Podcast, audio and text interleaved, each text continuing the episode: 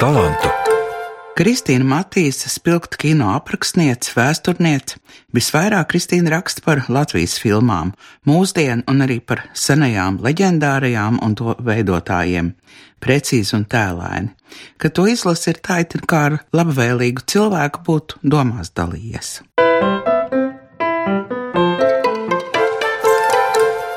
Kristīna ir atvērts cilvēks, visos ziemīgos kino notikumos klātesoša. Un jaunākos laikos vienmēr tas notiek kopā ar meitiņu Martu, kur nu pat sākus iet bērnu dārzā. Arī uz interviju Latvijas radio atnākušas abas. Abas saskaņot zaļos toņos tērptas. Arī tā ir tradīcija. Kristīna, kur tev tā zaļā krāsa izjūta vai pārliecība arī? Tā ir interesantāk dzīvot vienkārši. Tad, kad mums kāds jautājums, saka, mēs tā izklaidējamies. Jo ir kaut kāds zaļums tajā visā, nu, ka es esmu dzimusi un augusi tādā mājā, kur ir dārsts apkārt visu laiku, man dzīve pilsētas dzīvoklī liekas diezgan nedabiska, un es šobrīd tādā dzīvoju, bet ļoti gribu tikt no turienes projām, atpakaļ uz savu dārzu. Teiksim, es varbūt pilnīgi ne par tēmu, bet par tēmu atkritumu šķirošanu. Man vienmēr ir licies, ka tas ir tik elementāri dabiski. Nu kā, tāpēc, ka lauciniekam taču ir viss skaidrs, kas deg to sadedzina, kas ir organisks to kompostā, bet tādam pilsētas dzīvoklim tad tur sākās problēmas, kur likt vienus vai otrus atkritumus, un man liekas arī nepareizi mest visus vienā maisā. Tātad, nu, kaut kas zaļš jau droši vien tur galvā arī ir. Un vēl es esmu traka uz to ilgtspējību, manuprāt. Es nevaru izmest ārā nevienu mantu, man visi smējās, kad es martē mazos rāpulīšus, ka viņi izauga divu, trīs mēnešu vecumā, viņi izauga no tiem pirmajiem izmēriem. Man likās tik nenormāli, nedabiski un nepraktiski uzreiz viņus mest ārā. Labākajā gadījumā atdot kādam citam, bet vispār es viņiem griezu viduklus pusēm un šūnu pagarinājumus iekšā. Tāpēc man likās nu, pilnīgi nenormāli pirkt drēbes, tāpēc, lai palietot viņus mēnesi vai pusotru un pēc tam mest ārā. Kā tad sākās tas zaļais posms? Es cik tevi atceros, vienmēr ir kādi jā, zaļi toņi, jā, un es varu nenobrīnīties, cik zaļā krāsa ir dažāda. Jā, cik simtiem ir visādu nokrāsu un nianšu. Un ir man arī pat tā zaļā ietvaros ir periodi. Es atceros, ka es šogad pavasarī iztīrīju skapi un sametu visādus sūnu zaļos un brūni zaļos un pelēku zaļos visus vienā maisā un nobāzu skapi dziļumā, jo nāks vasara un es vilku visādus dzeltens zaļus, salātu zaļus un visādus ārprātīgus zaļus. Un tam man likās, ka tas ir uz pavisam, ka es nekad vairs tos dubļainos nevilkšu, bet tagad nāk tas rudens un kaut kā bišķi tomēr dabiskāk liekas, nu vēl kā kādam sūnu zaļajam ārā no skapja. Man vispār ir ļoti grūti sadzīvē pieņemt lēmumus.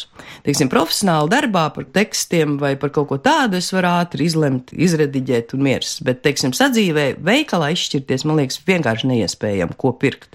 Un tad man ir vismaz kaut kāda taciņa, pa kuru es eju, jo ja es iet veikalā un sāku izvēlēties starp rozā, oranžiem, sarkaniem un ziliem priekšmetiem, es vispār no turienes vai no ārā netiktu, vai neskatoties paķert pirmo un aizskriet un pēc tam lamātos.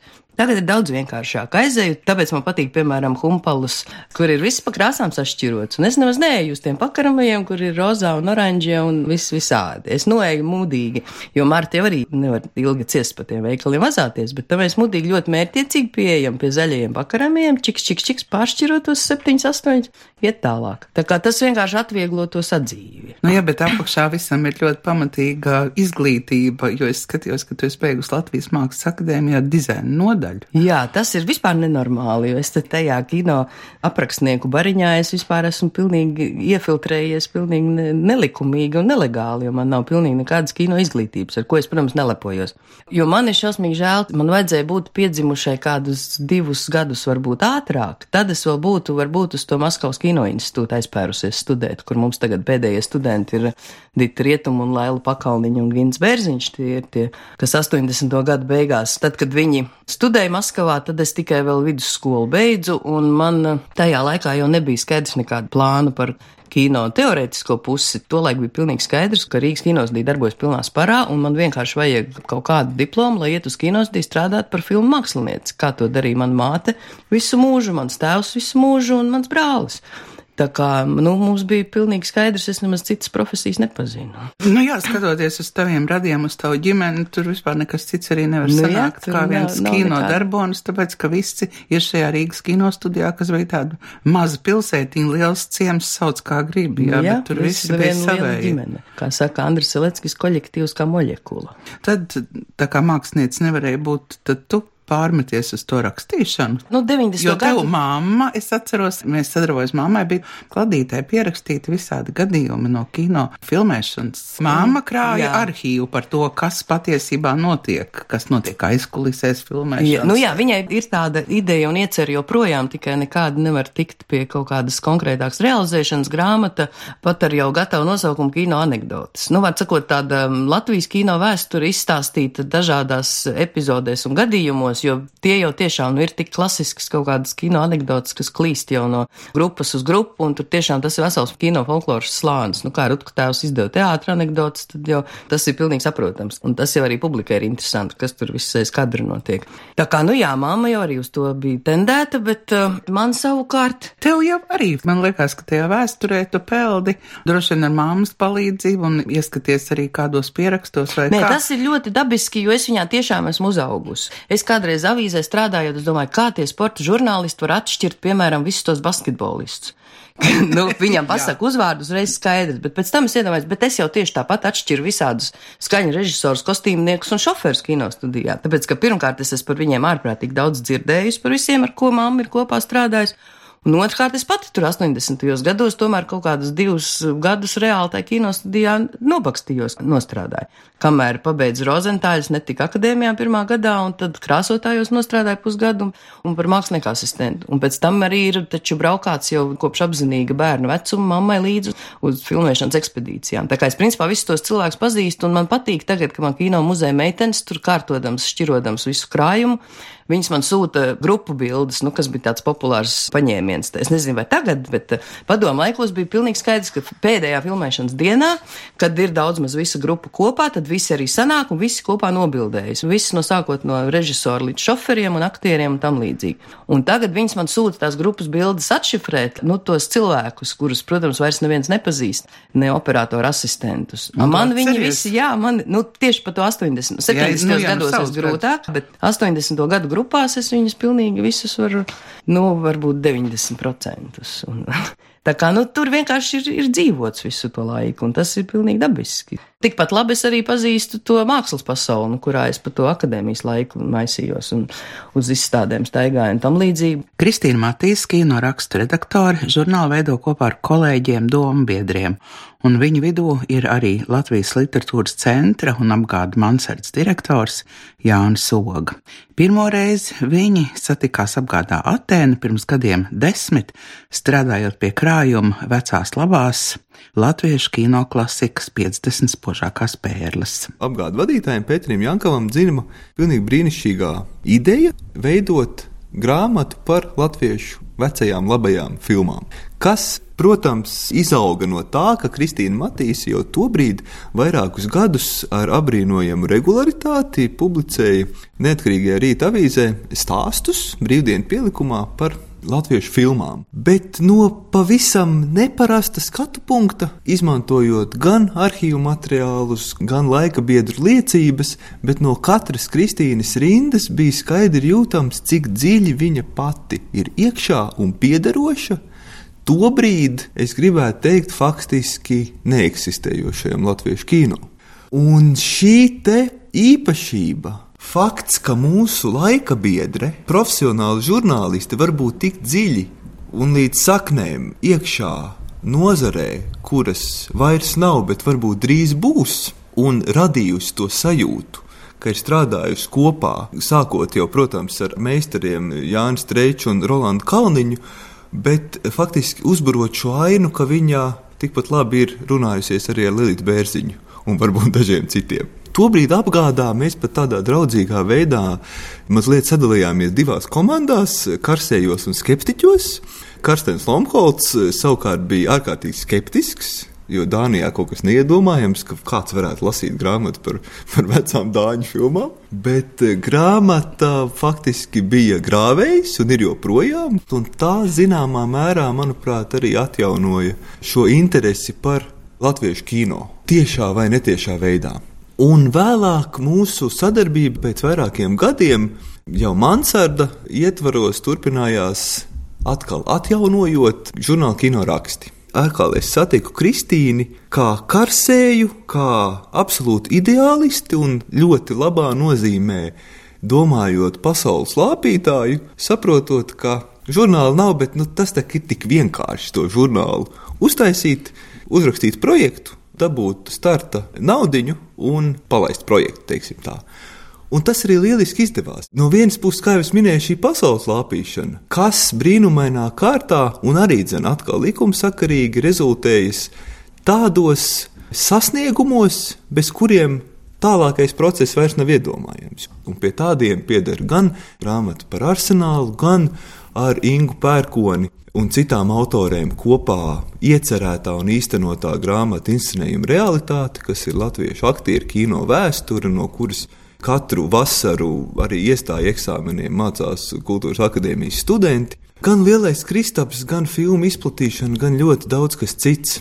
Tagad Kristīna Matīs saistās ar kino rakstiem, tā stingri un pamatīgi, bet tagad tev jauns projekts bija robežu pārkāpēji, un man jau tas saisties arī ar tādu robežu pārkāpšanu.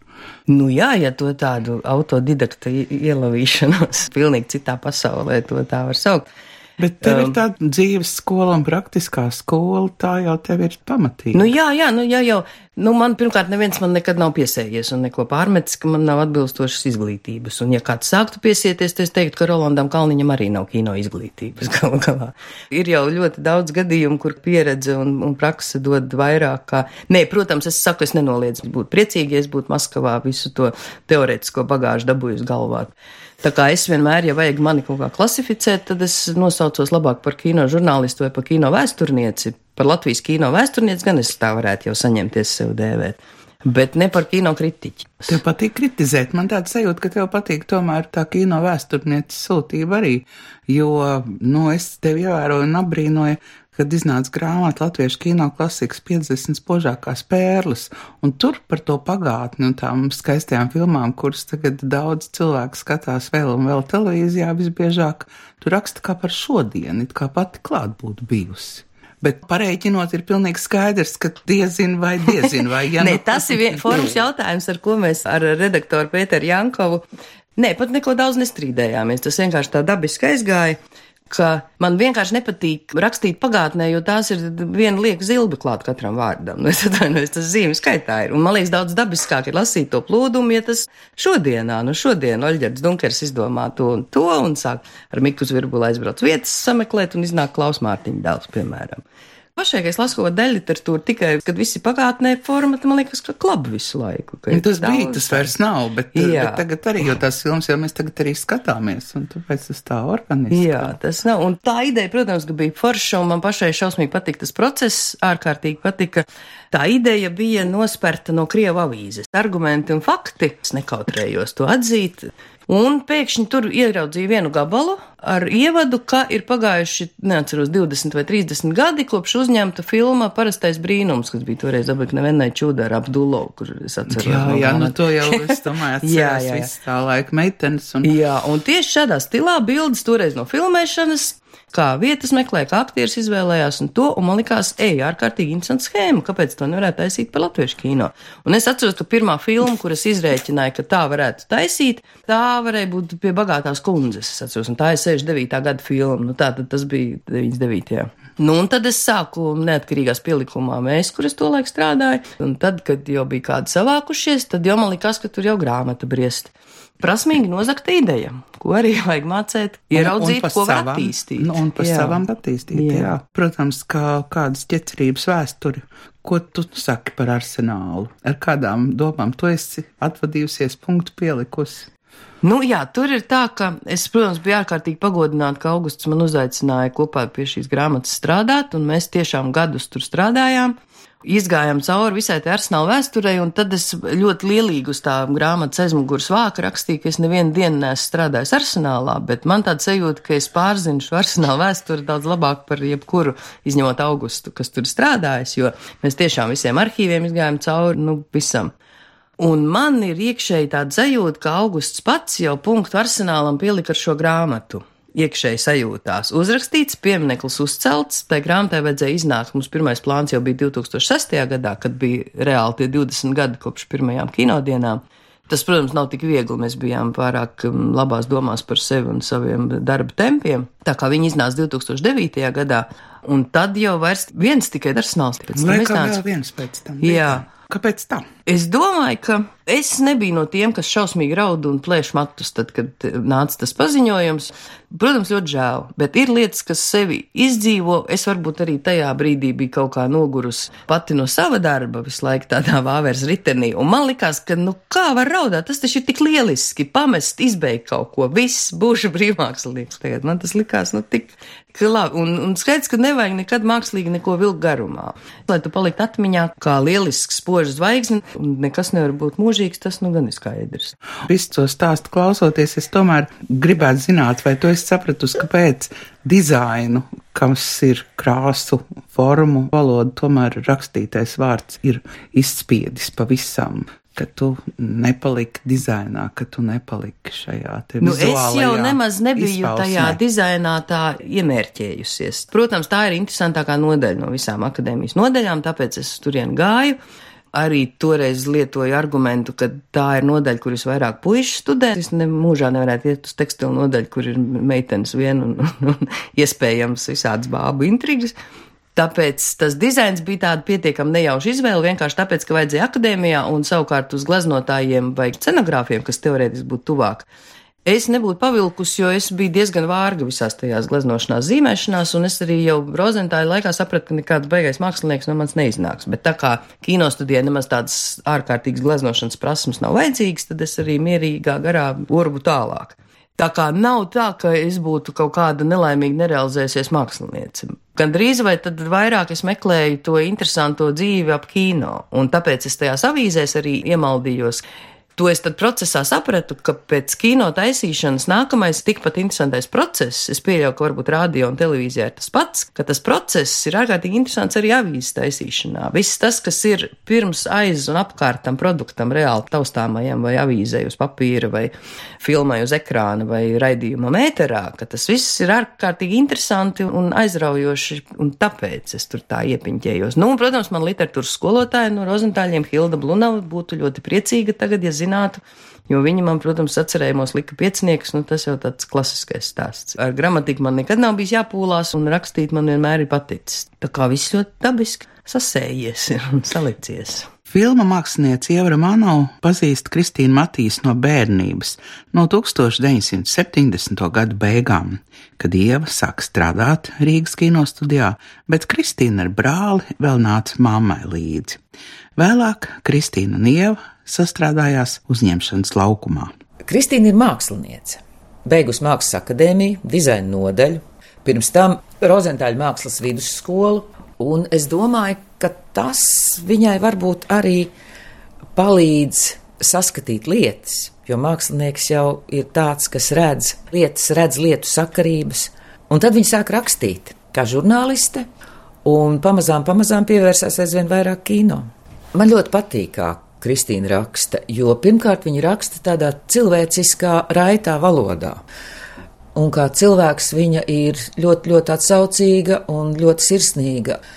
Bez tam uz viņu var paļauties, kas ir ārkārtīgi svarīgi. Viņa ir arī ļoti strādīga un darbspējīga, jo tas, ko viņa izdarīja informācijas jomā, strādājot kinocentrā, piemēram, tas bija ārkārtīgi, ārkārtīgi liels un ārkārtīgi nozīmīgs darbs. Arī tas, ka viņa ir izveidojusi vairākas grāmatas par kino, kaut vai 50 spožās kino pērles. Tas nav tāds virspusīgs skatījums. Viņa patiešām šos jautājumus ir izpētījusi, un šo grāmatu lasīt ir ārkārtīgi interesanti. Arī kino raksti, es domāju, ka tā ir ļoti interesanta literatūra, vismaz man tā ir ļoti interesanta literatūra. Es domāju, ka Kristīna ir konstruktīvs cilvēks, ka viņa ļoti labi organizē sevi, savu darbu, savu laiku, bet viņa ir ļoti silts cilvēks. Katrā gadījumā es Kristīnai ļoti, ļoti uzticos. Es ticu viņas vārdiem, es ticu viņas darbiem, un es zinu, ka, ja Kristīna kaut ko uzņemsies, tad tas būs pamatīgi un labi. Vēl viena burvīga lieta ir viņas meitiņa Marta, kura jau šūpulītī tika nesta līdzi uz pasākumiem un uz kinoteātri. Marta ir apbrīnojams bērns, Tas arī raksturo Kristīnu, ka viņa tādā veidā viņu ir audzinājusi. Jo Marta, piemēram, ejot prom no bērnu dārza, visiem paziņo, man tagad jāiet uz gaujas filmu. Neviens cits nezina, kas ir gauja, bet Marta tiešām no zīdaiņa vecuma viņa tik adekvāti ir vienmēr izturējusies arī pilnās skatītāju zālēs. Tas ir tāds brīnumiņš, un tas raksturo arī māti, ka viņa ir audzinājusi šo bērnu, lai viņš ir tik ļoti smaidīgs, harmonisks un tiešām labs bērns. Un tas nozīmē, ka ir laba māte. Kristīna Matīs par Rīgas kino studiju, ka tā vēl eksistē, un arī tagad par latviešu kino. Cik es sev atceros, vienmēr ir tāda kritiska attieksme nu, disks nav, tūliņ jau beigsies, un tā un tā, nu, redz, citiem ir, bet latviešiem nav, un Latvijai nav, varbūt vispār mums to kino nevajag. Un tad Kristīna Matīs atkal, kad palasa, tad liekas, ka mums te tā dzīve ir ļoti interesanta, un gribas iet gan uz filmām, gan arī gribas studēt. Es pieļauju tiem, kas studē. Kā tas notiek? Kāpēc viens redz, otrs ne? Kāpēc tu redzi, Kristīna? Tāpēc, ka neobjektīvi un droši vien provinciāli, bet mīlu es to Latviju kino un tos cilvēkus, kas tur strādā. Es pieļauju, ka tā varbūt ir tieši tā mana neizglītotības vaina, jo mēs nu, pat eh, jaunākajos kino rakstos es intervēju Ditu Rietumu, Un to es atceros jau sen. Es viņus vienreiz ar Normundu intervēju 2009. gadā, kad viņiem iznāca viena no kopīgajām grāmatām. Un mēs aizrunājāmies par to, ka Dita bija vismaz vienu laiku pazīstama ar diezgan skarbām kritikām par latviešu kino. Un toreiz Normons to izskaidroja ļoti loģiski, ka viņi ir mācījusies šajā jau minētajā Maskavas kino institūtā, kur, protams, kino vēstures priekšmeta centrālais, nu, viss tēma un fokus ir pasaules kino, Eiropas kino. Viņai ir daudz plašāks konteksts, un viņai tāds latviešu kino loģiski, ka viņš varbūt neuzlec pāri tai latiņai, ko viņi ir pieņēmusi kā vērtēt kā normālu kino, kā labu kino. Nu, jo Maskavas kino izglītība tās jau ir virsotnes. Jā, virsotņu un ne, pētīšana. Tu, protams, ka kino vēstures kontekstā analizē labāko kino. Un skaidrs, ka lielā mērā tas Latviju kino nekad starp šiem labākajiem pasaules paraugiem, nu tā īsti līdzvērtīgi nav ierindojams. Ir ārkārtīgi reti atsevišķi gadījumi. Kā divi, trīs. Gadījumi, jā, jā. jā. Es savukārt nezinu šo visu ārkārtīgi nopietno kontekstu, cik nu kaut kādā parastā kino skatītāja pieredzē. Un man tā vērtības sistēma ir varbūt cita, jo es vērtēju tā latviešu kino kontekstā. Tu kas te ir? Jā, kas te ir labāks, sliktāks, zinu daudz dažādus vēsturiskos kontekstus un katra cilvēka konkrētās filmogrāfijas ietvaros, ko tas nozīmē, nu, ko viņš ir pirms daudziem gadiem darījis, ko viņš tagad, kā viņš ir mainījies. Nu, man arī, jā, nepatīk ārkārtīgi ganīties. Nu, ja es aizņemu vietu avīzē vai kur, kas arī, ko vienmēr Dita ir uzsvērus kā provinciālismu un Latviju pīļu dīķa vissliktāko iezīmi, ka visi jau tev ir radi draugi paziņas un tev Bet ir nērti kādam. Kā jā. tu ar to tiec galā? Jā, un ka nērti kādam. tādas iznīcinošas kritikas. Nu, paldies Dievam, te nekas nav objektīvi izmērams ar lineāli. Jo, principā, ja kino kritika būtu izmērama lieta, tad arī būtu varbūt vienkāršāk. Piedod, es izmērīju, man sanāca, ka slikta filma. Ja? Bet es to psiholoģisko slogu esmu sev noņēmusi caur to, ka es nerakstu recenzijas, es neesmu kino kritiķe. Es tiešām pilnīgi objektīvi uzskatu, ka es nepavelku tādā līmenī, kāds ir vajadzīgs kino rakstiem. Tāpēc es kino rakstiem aicinu visādus gudrus cilvēkus, lai viņi raksta un lai viņi tiek galā pēc tam ar to režisoru vai aktieri konkrēto. Bet eh, jā, ka nu es varu uzrakstīt tādu mazliet tā, nezinu, popsīgāk. Kā viens parastais skatītājs. Man ļoti patika tavu piezīme par filmu Modris, kursiešu no, filmu. Vai tev tiešām patika, vai tu vienkārši esi laba rakstītāja? Man tiešām patika modris. Un, Man likās, ka un, tev tiešām patika modris, jā. Es vispār taisos drīz intervēt arī režisoru. Man vispār interesē, kāpēc jauni režisori grib debitēt ar tik smagām filmām. Sēdēja man blakus pirmizrādē un teica, nu kāpēc nevar vienu komēdiju uztaisīt? Es varu nedomāju tik vienkārši, bet tiešām Nav viegli to filmu skatīties un nav patīkami un komfortabli. Tā nav tāda jauka piekdienas izklaide. Tādā ziņā Andra Gaujas izlaiduma gads arī ir smags, bet viņš ir kaut kā attraktīvāks ar visu to skolas dzīvi un ar visādiem tur cunduriem, kas tur notiek un ballītēm un tā. Bet te ir tiešām odrs tas augstais stingums, tas emocionālais vēsums un kuģi lēnām apledo. Man tiešām patīk tas pašai tas virsraksts ko es saku, patika, kā labi izveidots darbs. Jā, un to var just. Redzi, būtu man profesionāla kinokritiķa leksika, es varētu pateikt tieši, kas tur ir profesionāli un tieši kas ir tas, kas mums abām rada šo iespaidu un cerams vēl daudziem skatītājiem. Es tagad nevaru pateikt, kas tas ir, bet ir tā netveramā sajūta, ka nu, tas ir kaut kas tāds pamatīgs, šis kino.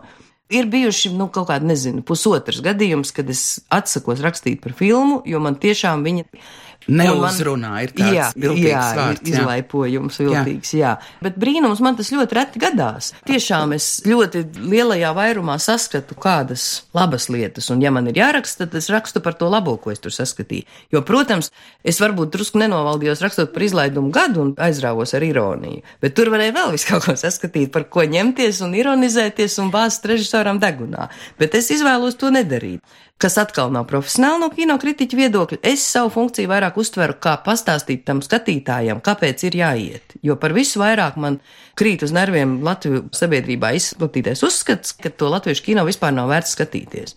Kas Aiz... tad tagad ir jāskatās? Kristīna Matīs. Tas arī jāskatās. Latviju kino ir jāskatās, un šoruden ir ļoti intensīvi. Andra Gaujas izlaiduma gads tā tad ir uz ekrāniem. Jūra kursieša modrs ir uz ekrāniem. Viestur Kairiša filmē Neredzamā pilsēta, jauna dokumentālā filma.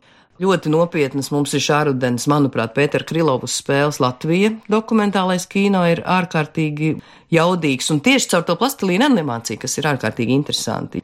Faktu blīvums jau arī rada spēcīgu tēlu. Nu jā, ar to ir vienkārši ļoti interesanti vērot, ka tā animācija ir tik ārkārtīgi negaidīti iedarbīga.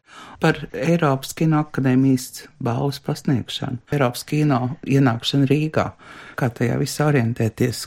Nu jā, tas ir ļoti svarīgi, jo ir taisnība. Mēs runājam ar Ditu intervijā, kino rakstos, ka ir ārkārtīgi taisnība un nenormāls paradoks, ka Eiropas filmas neceļo ka mēs šeit, Latvijā, Eiropas Savienības valstī, tas, ko mēs redzam 90% kinoteātra repertuārā, tas ir Hollywoods konvejers. Bet tas, kas notiek visās citās Eiropas valstīs, kas mums gan mentāli, gan geogrāfiski ir daudz tuvāk un daudz loģiskāk, nerunājot par vispār par to ārprāt, kas ir ar Lietuvu un Igauniju, ka mēs vispār nezinām, kas notiek Lietuvas un Igaunijas kino mākslā, tāpat kā viņi nezina, kas pie mums notiek. No, tas ir kauns. Jā, tas, tas ir, ir vienkārši visiem, ne, nenormāli un nepareizi, un tāpēc šī ir lieliski iespēja šīs filmas, kas top visdažādākajās Eiropas valstīs, viņas tomēr kaut kādā, nu, tad sakoncentrēt uzmanību uz tām un paskatīties, jo tas Eiropas kino, protams, arī nav ideālā situācijā, pat nevis aiz filmu kvalitātes, bet tieši aiz tā skatītāja pieprasījuma un aiz tā, ka viņš kaut kā lokāli paliek tajās savās valstīs, tāpēc ir ļoti labi tie kopražojumi, kā piemēram modrs tagad kopražojums ar Grieķiju un ar Vāciju, nu tas nozīmē, ka vismaz Grieķijā un Vācijā skatītāji dabūs redzēt šo Latvijā izdomāto, tapušo un uzņemto filmu. Tā kā tas kopražojuma tīkls ir viena lieta, bet ir tiešām svarīgi arī veidot tādus uzmanības fokusa sāsināšanas pasākumus, kā šis kad ir iespēja paskatīties to Eiropas kino kaut kā vairāk koncentrētāk, jo es tiešām ticu no sirds, nu, ka tas mums ir vienkārši nu, mentāli saprotamāk un tuvāk un loģiskāk skatīties Eiropas kino, lai gan neesmu nekāds pārmērīgais lokāla patriots ar, ar tieksmi uz norobežošanos. Tieši tāpēc ir interesanti paskatīties, ko dara kaimiņi. Jā. Vai tev ir kāda doma, kāds vēlējums saruna, ka mēs noslēdzam? Ir jāskatās kino. Vispirms ir jāskatās latviešu kino, pēc tam ir jāskatās Eiropas kino. Un tad, ja atliek laiks, ne, nu, protams, nevar visu to tik tā vulgarizēt, bet kino ir jāskatās. Tas nu gan ir skaidrs, man liekas. Mēs te nesen tieši divās Annās robežu pārkāpēju sakarā bija diskusija, kāpēc vispār jāskatās tāds kino, ko var palikt zem virsrakstu robežu pārkāpēju. Tāpēc, ka ir loģiski cilvēkam vienkārši mēģināt pavērt apvārsni. Nevis kā vada dzeguzē pūst līdzi internetu komentāros, ka tur jau nekā nav. Es jau redzēju, neesmu, bet es zinu, ka tur nekas nevar būt. Šī ir vismuļķīgākā pozīcija, man liekas, cilvēkam savu vienīgo dzīvi dzīvot ar tādu pārliecību, ka man nemaz nav jāskatās, es jau zinu, ka sūdzes atvainojos par tādu sabiedriskā radio ēterā par tādu vārdu. Bet tā nedrīkst būt, tad tu vienkārši pats esi truls, ja tu nemēģini izmantot jebkuru iespēju, lai paskatītos kaut ko ārpus tā sava maršruta, darbs mājas, darbs mājas. Tā kā Latvija kino paver visplašākās iespējas. Vismaz Kristīnai Matīsai, un tu esi par to pārliecināta, un tas, ko tu dari, nu liecina, ka tu esi patiesi šajos vārdos un šajā izjūtā. Paldies tev, ka atnāci. Paldies. paldies visiem par pacietību klausoties. Paldies!